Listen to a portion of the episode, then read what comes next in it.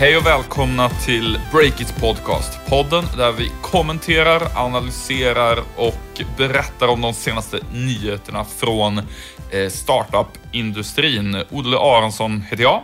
Eh, och med mig har jag, som jag brukar ha, Stefan Lundell, min medgrundare till nyhetssajten breakit.se. Hur mår du idag, Stefan, så här i mitten av november?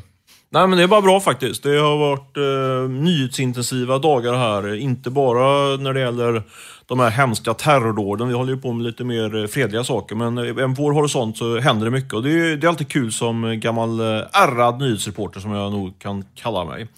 Eh, apropå nyheter, Olle, vad ska vi prata om idag? Jo, det blir om betalbolaget Squares börsförlopp och efterspelet till Groupons nedläggning i Sverige. Men först eh, så tycker jag att vi går direkt på en riktigt stor affär i den svenska internetindustrin som är på väg att gå i lås just nu, nämligen Schibsteds förvärv av Hemnet. Eh, Stefan, du som har skrivit mycket om det där, kan du först ge lite bakgrund till den affären? Ja, absolut. Eh, upprinnelsen var ju att Schibsted, då, den stora norska mediekoncernen, lade bud på på eh, Hemnet eh, i maj. Eh, men det visade sig, jag kommer ihåg det väl, jag satt på redaktionen och, och skrev då denna nyhet eh, i realtid när den ramlade in. Men sen när man läste pressmeddelandet lite noggrant så märkte man att det var bara två av de fyra ägarna till Hemnet som hade tackat ja till, eh, till budet. Det var Swedbank och Svensk Fastighetsförmedling. Däremot så hade då Mäklarsamfundet och Fastighetsmäklarförbundet som äger de övriga procenten i den här Hemnet paketet. De hade knappt fått frågan, jag tror de hade fått, eh, bara fått meddelande ett par timmar innan pressmeddelandet gick ut. Eh, så det blev upprinnelsen till en, eh, till en auktionsprocess kring Hemnet och ett 15-tal bud rullade in under sommaren kan man säga. Eller femtontal intressenter var det väl som, som hörde av sig kan man säga på, i den där processen under sommaren. Och sen dess så um, har det då varit uh, ovisst vem som ska ta över Hemnet, som alltså är den överlägset största bostadssajten i Sverige. Vad är det senaste i den här historien? Ja, utav de där 15 intressenterna så utkristalliserade sig alltså tre konstellationer som var intresserade av att köpa Hemnet. Dels var det då såklart Chiptet, men sen var det också riskkapitaljätten Nordic Capital eh, och sen var det en konstellation med mediebolaget eh, koncernen Bonnier och EQT som också är ett riskkapitalbolag. Eh, nu hoppade Bonnier EQT av för en vecka sedan eller två. Det var Dagens Industri som rapporterade det först. Och det som nu hände, som hänt det sista sista, vad blir det? Det är mindre än de sista 24 timmarna, 16-18 timmar något liknande, så, så hände det så på torsdags eftermiddagen att eh, Mäklarsamfundet då, eh, deras medlemmar skulle rösta om eh, eh, om man skulle, ja, vilket, vilket, bud man skulle hoppa på helt enkelt. Då var det ju Schibsteds bud som var kvar och Nordic Capital. Och, och, där ska vi säga att när vi spelar in det här är det runt lunch på torsdagen. Så att den här omröstningen eh, ska nu ske i eftermiddag eh, för, för vår del. Absolut. Men det som vi kunde rapportera om då redan i morse var att styrelsen i eh, Mäklarsamfundet, de rekommenderar sina medlemmar att eh, rösta för, eh, för att man ska sälja till Schibsted då. Eh, vilket är eh, spännande. Eh, och eh, Mäklarsamfundet då eh, eh, kontrolleras ju av av eh, några så kallade superdelegater, eh, som jag kallar dem i alla fall. Eh, alltså de, sto de, de stora eh, spelarna i, eh, i eh, Mäklarsamfundet är bland annat Svensk Fastighetsförmedling, Länsförsäkringar och Skandiamäklarna. De så att säga, samlar ihop sina medlemmars röster och, och röstar som har en massa röster på, sitt, på sin hand, så att säga. Det låter lite som när man utser en amerikansk presidentkandidat, sådana elektorsröster och sen är det några superdelegater som eh, har makten av, över de där rösterna. Eh, du var inne... Ja, men så, precis. Så, så man, man kan väl säga att, kom, eh, alltså, låg kanske inne på det, jag skulle fråga med det, men alltså det som är eh, kontentan av den här nyheten, att, att styrelsen nu då rekommenderar ett ja, det är att i praktiken kommer ju den här rekommendationen eh, nog bli så, eller med, med, med största sannolikhet så kommer det bli så att eh, att eh, Mäklarsamfundet, eh, hela det, det årsmötet, så säga, röstar ja till, till Schibsteds bud. Det vet vi ju inte än då, men, eh, men allt tyder på att det kommer bli så. Eh, och i, eh, i förlängningen kommer det då innebära att eh, den fjärde parten i det här spelet, Fastighetsmäklarförbundet, också kommer säga ja. Eh, orsaken till det är att eh, det, det, är inte så stor mening att säga nej när man har bara 25% av rösterna. För för risken är ju att man, man sitter, så att säga, sitter kvar med Svarte Petter och inte får ut några pengar. Eh, för medlemmarna till, eh, i, eh, i Fastighetsmäklarförbundet kommer göra ett riktigt klipp på den här affären. De har kund, en, en andel, så att säga, och de många har ju flera andelar. Eh, en andel var värd eh, knappa 120 000 innan det här budet kom och nu är, det här, nu är den andelen värd eh, 600 000. Så jag tror det blir eh, väldigt svårt för, för någon att motivera ett, ett nej då. Eh, om, om det blir som, som vi tror när det gäller Mäklarsamfundet. Så eh, för att summera lite grann så kan man säga att redan i maj så hade Schibsted fått med sig eh, ägare till 50% av aktierna i Hemnet. Och i och med den här rekommendationen också så har de med väldigt hög sannolikhet fått med sig ägare till ytterligare 25%. Då kontrollerar de tre fjärdedelar av Hemnet. Och då är det lika bra för eh, Fastighetsmäklarförbundet, den kvarvarande fjärde parten. Och också säga ja för att eh, det, det, känns som att det är låg sannolikhet att de någon gång i framtiden kommer få ett bättre bud och de kommer ändå inte få något inflytande om de bara äger 25% Kan man summera det så? Så kan man. Och sen för att komplicera bilden lite grann så kan man säga att eh, Mäklarsamfundets styrelses rekommendation till sina medlemmar är att man ska säga ja till att sälja till Schibsted men att eh, Mäklarsamfundet ska behålla 10 procentenheter utav sina aktier. Eh, för att de vill behålla någon form av kontrollposition där i Hemnet som är väldigt strategiskt viktigt för deras medlemmar. Då. Du, eh, jag har förstått på dig att det har eh, förekommit en hel del tjuv och rackarspel innan eh, det här beslutet. Ja, det var ganska intressant eh, när jag grävde och ringde och, och kring detta i, igår kväll då på onsdagskvällen. Eh, för det som, är, det som i alla fall är ryktet som, som kommer från flera håll och som jag, som jag eh, låter håller för ganska sannolikt, det är att eh, det har spridits ut uppgifter eh, från olika håll och kanter att Fastighetsmäklarförbundet också har bestämt sig för Schibsted.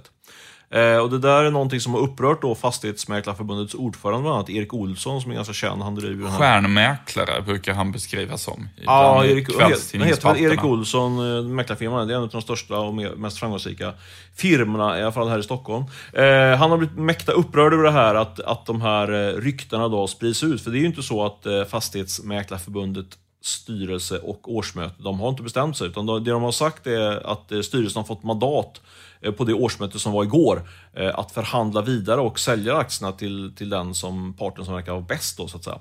Men varför har det spridits ut ett, ett rykte om att de, den, den här fjärde ägaren då skulle ha sagt ja till Schibsted?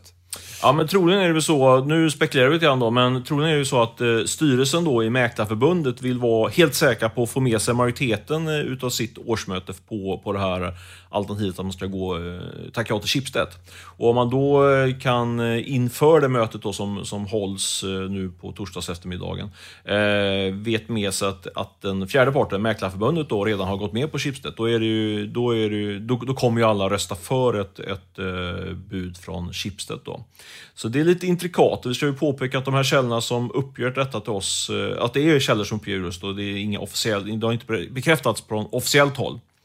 Men eh, om vi lyfter blicken en aning från själva förhandlingsspelet då, som kan vara nog så intressant. Vad, vad säger du Olle, varför vill Schibsted då, och fram till nyligen också Bonnier, varför ville de köpa Hemnet? Mm, um, Hemnet kräver väl då till att börja med ingen större presentation. Det är den överlägset största sajten för eh, förmedling av eh, försäljning av bostäder eh, här i landet. Um, och det är liksom ingen eh, i pengar räknat enorm verksamhet. Eh, Schibsteds bud det är ju på en och en halv eh, miljarder kronor och det är 47 gånger årsvinsten. Alltså jämföra med på börsen var deras eh, bolag var det knappt 20 eller 17, 18 och sånt där va? Så ja, det, nu är ju bolagen på börsen historiskt sett ganska högt värderade så att eh, eh, man kan säga så här, för ett bolag med Hemnets typ av marknadsposition som är så dominant på min marknad så 20 någonstans där. Precis. Eh, och då är det ju här och mer än dubbla den eh, värderingen som, som är där. Uh, så det, och dessutom så, det, det är man har ju svårt att se att Hemnet skulle kunna expandera sin verksamhet i hela världen, utan det, det är ett Sverige-case så att säga. Uh, och då kan man fråga sig varför um, uh, Schibsted berett att um, Betala sådär mycket helt enkelt? Ja, precis. Uh, och, och, då kan man säga så här. Uh, Hemnet som isolerad företeelse är ju inte grejen, utan uh, när man stoppar in Hemnet i Schibsteds ekosystem av sådana privatekonomisajter, då tänker jag på Blocket, eh, som ju, där man kan köpa och sälja begagnade prylar. Eh, det är lånesajten Lendo, det är Compriser. Även Aftonbladet ingår i det här e- ekosystemet. Då får Schibsted enormt mycket trafik och ett helhetsgrepp över liksom alla tjänster som rör människors privatekonomi i Sverige och blir liksom som en portal för det. Eh, och eh, jag tror att Hemnet, när man får in den pusselbiten och liksom kan låsa ute konkurrenter från det och dessutom samla in data från alla som är inne på Hemnet, alla som är inne på Aftonbladet, alla som är inne på Lendo, alla som är inne på Blocket och så vidare och samla det i en pool och presentera mot annonsörer. Eh, då blir det väldigt kraftfullt annonsmässigt. Men Bonnier då, för är de sugna på De har ju inte det här starka ekosystemet som Schibsted sitter på. Nej, men de vill ha ett sånt ekosystem. De vill bygga ett eget, eh, fläta ihop med eh, Adlibris och eh, ja, Expressen, DN och så vidare. Det är klart att de har en liknande ambition där. De har ju också en outsourcad, i och för sig, riskkapitalverksamhet via NFT Ventures som investerar i olika startups. Var en Tror du att de har den ambitionen? Att de har den strategin? Den är inte jättetydlig den strategin. Och, som eh, nej, och den är lite splittrad inom Bonnier eh, och så. Men jag tror absolut att de också vill bygga ett sånt ekosystem. Men de ligger efter Schibsted. Eh, och där kan man väl säga att um, i och med att Schibsted då tar Hemnet här så ytterligare tecken på, ja, Bonnier hamnar ytterligare efter där. Eh, och för Schibsteds del så, eh, så de ser det nog som att de, de Bonnier har de nästan redan seglat förbi. Det de jämför sig med nu, det är att de vill bygga en sorts nordisk eh, konkurrent till, till Facebooks annonsmediesystem. Och det är ju inte lätt, ska, ska gudarna veta, men i och med att de ändå har den typen av ambition att bli liksom den, den samlade medieplattformen nummer ett och den samlade, the place to go för, för privatekonomi och så i Norden, då blir ju Hemnet så att säga värt mer inom Schibsteds ekosystem för dem än vad det är utanför som isolerad företeelse. Och de har ju ekonomiska resurser också. De gjorde en nyemission på dryga 2 miljarder för här i somras. Eh, sen får vi väl säga, den här affären är ju inte klar än eh, och det kan ju så bli så att eh, den, blir föremål, den kommer bli föremål för Konkurrensverkets granskning och det är möjligt att de har något att invända med tanke på att de äger Blocket Bostad också. Intressant! Den här podden sponsras av Miss Hosting. Det är ett bolag som är något av en eh, fullservicebyrå för alla som ska dra igång en sajt av något slag kan man säga. Just det, och via Miss Hosting så kan du köpa både en domänadress och du kan hosta dina sajter hos dem.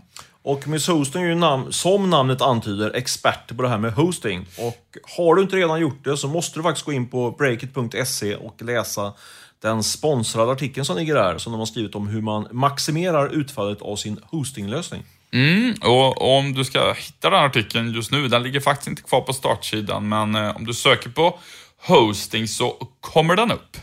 Ja, vi skriver så sjukt mycket artiklar så det, den finns inte kvar på startsidan. Vi försöker ju rensa lite grann så den ska vara en snabb sida. Men sök så ska det finnas, som det står i Bibeln.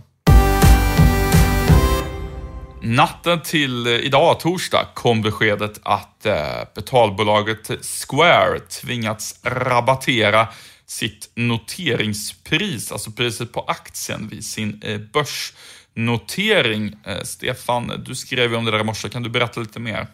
Ja, fakta i målet är att eh, noteringskursen blir då 9 dollar och eh, planen var att man skulle hamna någonstans mellan 11 och 13 dollar. Så det är en ganska ty tydlig och eh, stor rabatt i ett sånt sammanhang. Dessutom som är intressant att notera att det är halv, att bolaget värderas ungefär till halva priset jämfört med den här finansieringsrundan man gjorde utanför börsen för knappt drygt ett år sedan. Eh, bolaget värderas i samband med noteringen då till 3 miljarder dollar istället för 6 miljarder kronor. Nej, miljarder dollar ska jag säga. Dock ska vi notera att det var ju i den här, när det gjordes en värdering på 6 miljarder dollar så var det en sån här preferensaktiestruktur som vi älskar att prata om här i podden.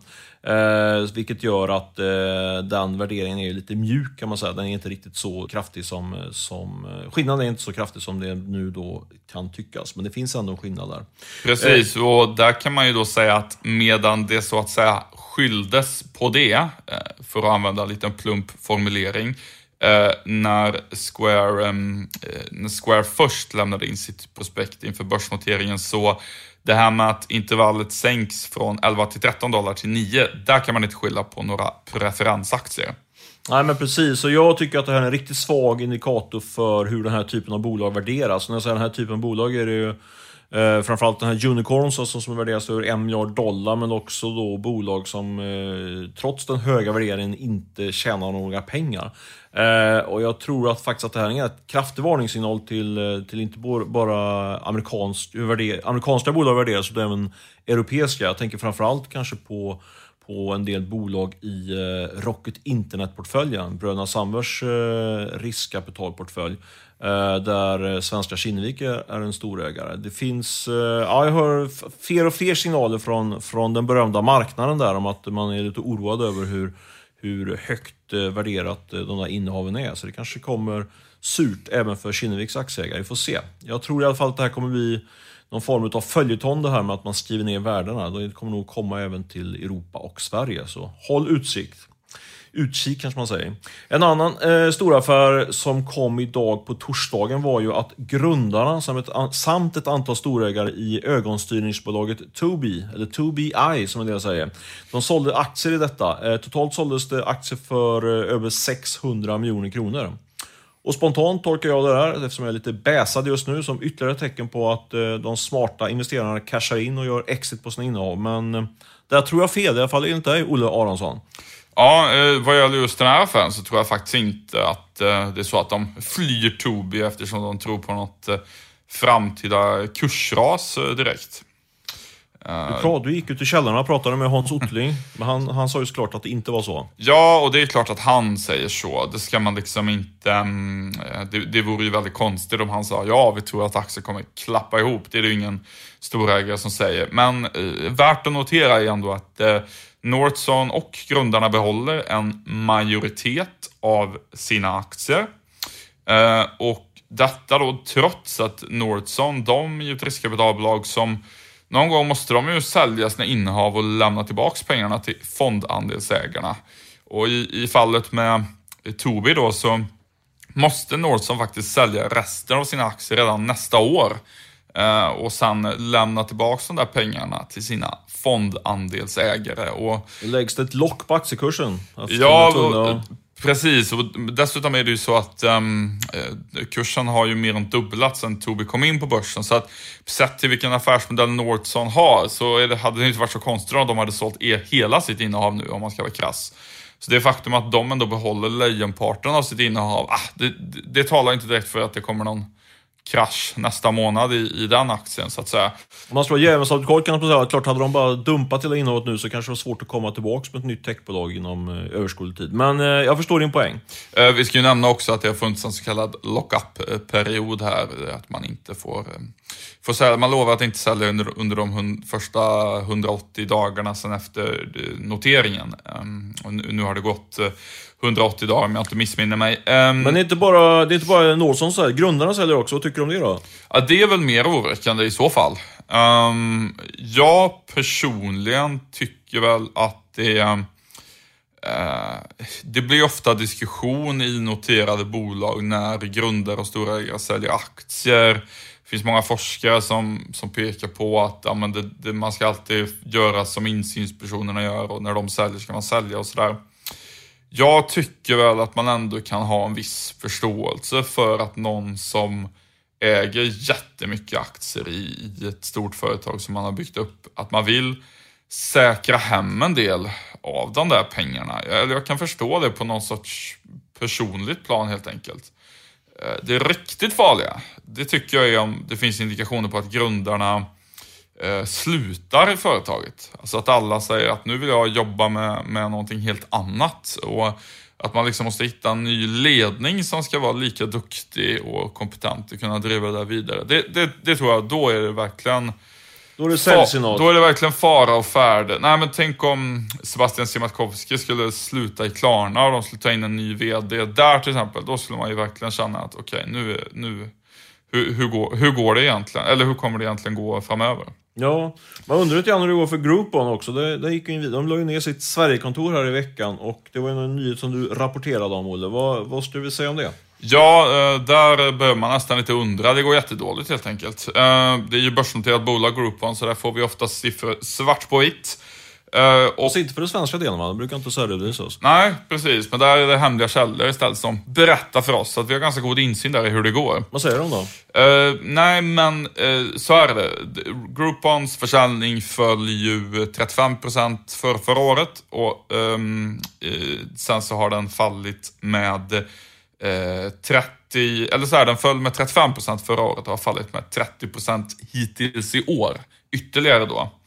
Uh, så att det går jättedåligt och detta samtidigt då som uh, konkurrenten Let's Deal i Sverige ökar. Så det finns liksom ingen generell nedåtgående marknadstrend utan det är just Groupon som går dåligt. Och det beror på att de är dåliga på att sälja, eller vad är det som ligger bakom det? Nej, men uh, Groupon då, rabattsajten, ska vi säga, uh, ska enligt våra källor ha haft ett uselt ledarskap Oj, i hårda Sverige. ord, hårda ord. Ja, ja men det är, det är den bild som de personer med god insyn i det här pratar om. Och det ska tydligen varit så att efter att den tidigare Sverige-VDn, Rickard Strömgren, efter att han slutade så ska Eh, Eh, det har kommit in en ledning som utsågs utifrån från kontoret i, i London. Och eh, den ledningen ska liksom aldrig klarat av att leverera och helt enkelt eh, inte varit i närheten av så duktig som Rickard Strömgren var på att driva det där. Men en intressant grej är nu att i och med att han då lämnade Groupon så fick ju Schibsted som äger Let's Deal lite ett frikort i att ta över den svenska marknaden. Men nu kan Rickard Strömgren vara på väg att starta upp en, eller han har redan startat upp en ny konkurrent till ett Schibsted-bolag. Eh, det är eh, så att han har dragit igång ett företag som heter Räntesänkarna som är en konkurrent till Lendo. Mm. Så han tar lite grann fighten med Schibsted på annat håll.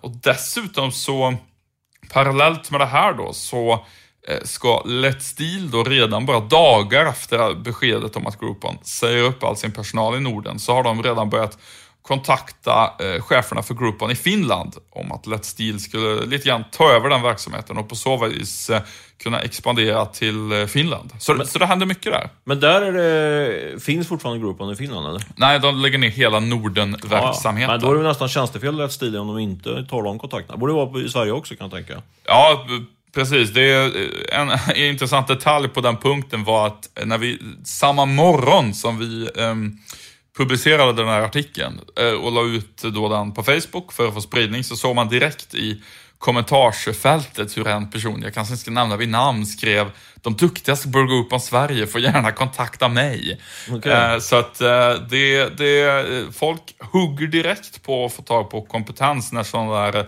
relativt stora nedläggningar sker i den svenska internetindustrin. Yes, då är det dags att runda av det här avsnittet av vår podcast. Eh, vi ska tacka Beppo ljudproduktion som har spelat in och klippt podden. Och vi tackar också Miss Hosting för att ni stödjer vår oberoende journalistik eh, genom att sponsra den här podden. Och såklart, tack alla ni som lyssnar. Vi hörs nästa vecka. Hej då! Hej!